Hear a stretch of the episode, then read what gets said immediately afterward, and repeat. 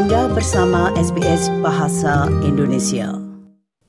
Pendengar, pakar kesehatan memperingatkan masyarakat untuk waspada dalam mencari tanda dan gejala penyakit meningokokus invasif.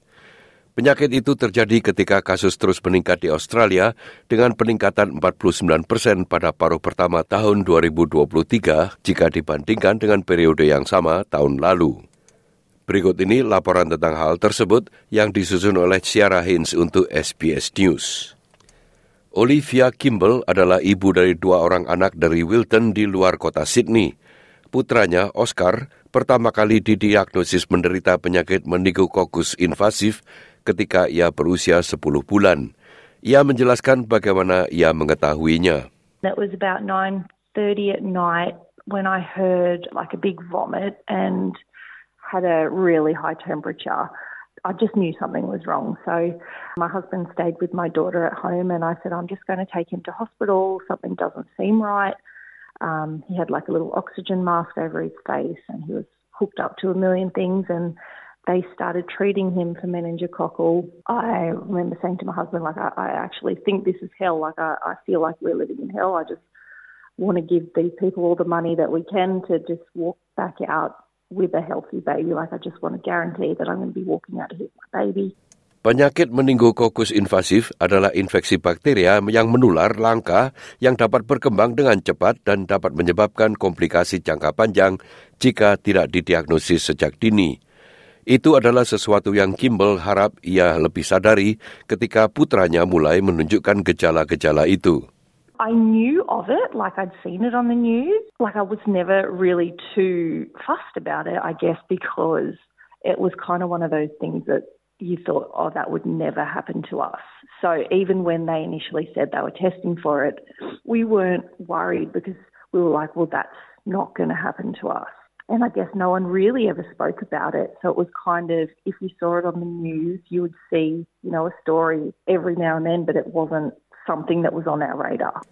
Penyakit meningokokus dapat menyerang siapa saja, namun mereka yang sangat rentan terhadapnya termasuk anak-anak dan bayi di bawah lima tahun, remaja yang lebih tua, dan masyarakat adat. Jika tidak ditangani dengan benar, dapat menyebabkan komplikasi jangka panjang seperti kehilangan anggota tubuh atau bahkan kematian. Itulah sebabnya para ahli kesehatan mendorong warga untuk mendapatkan vaksinasi terhadap penyakit itu. Profesor Robert Boy adalah dokter anak penyakit menular.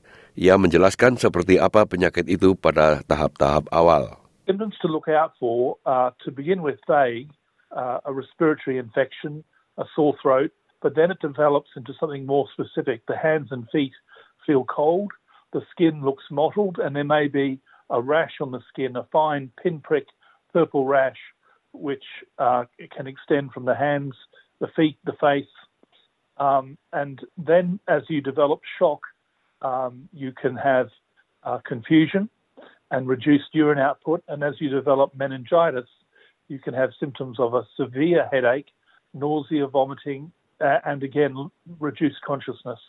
Data dari Departemen Kesehatan Pemerintah menunjukkan ada 67 kasus penyakit meningokokus invasif di Australia sepanjang tahun ini. Selama periode yang sama tahun lalu, tahun 2022, terdapat 45 kasus dan itu meningkat 49 persen. Profesor Boy mengatakan orang-orang dari komunitas multikultural sangat rentan terhadap penyakit ini. If you have many people living in the same residence, uh, you're at greater risk of spreading the germ between each other. So multicultural families uh, can be at greater risk. Uh, an example is Muslim communities. We have had on a number of occasions um, meningococcal disease spread during the Hajj, the annual uh, religious pilgrimage of Muslim people.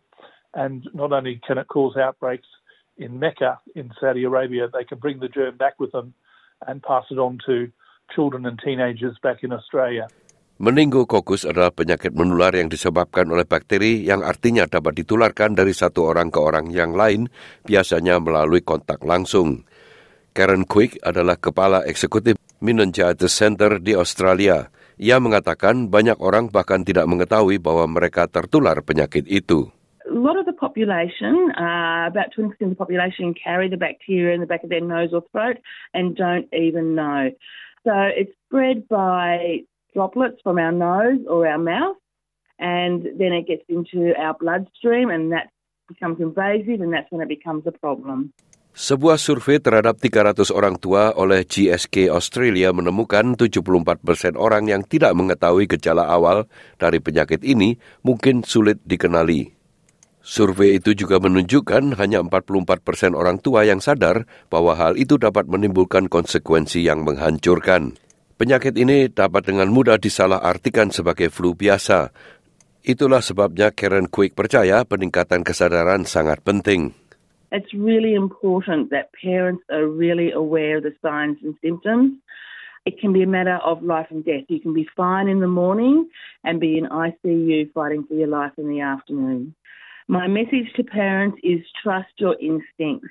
If your child is going downhill quickly, um, because it's a very fast moving disease, go straight to the doctor, straight to emergency if you suspect meningococcal, um, and ask the question could it be meningococcal? This is a very fast moving disease. Trust your instincts, get medical help immediately. Demikianlah tadi sebuah laporan mengenai penyakit meningococcus invasif yang sangat menular. Rangkuman itu disusun oleh Ciara Hain untuk SBS News dan disampaikan oleh Ricky Kusumo. Sukai, berbagi, komentar. Ikuti SBS program Bahasa Indonesia di Facebook.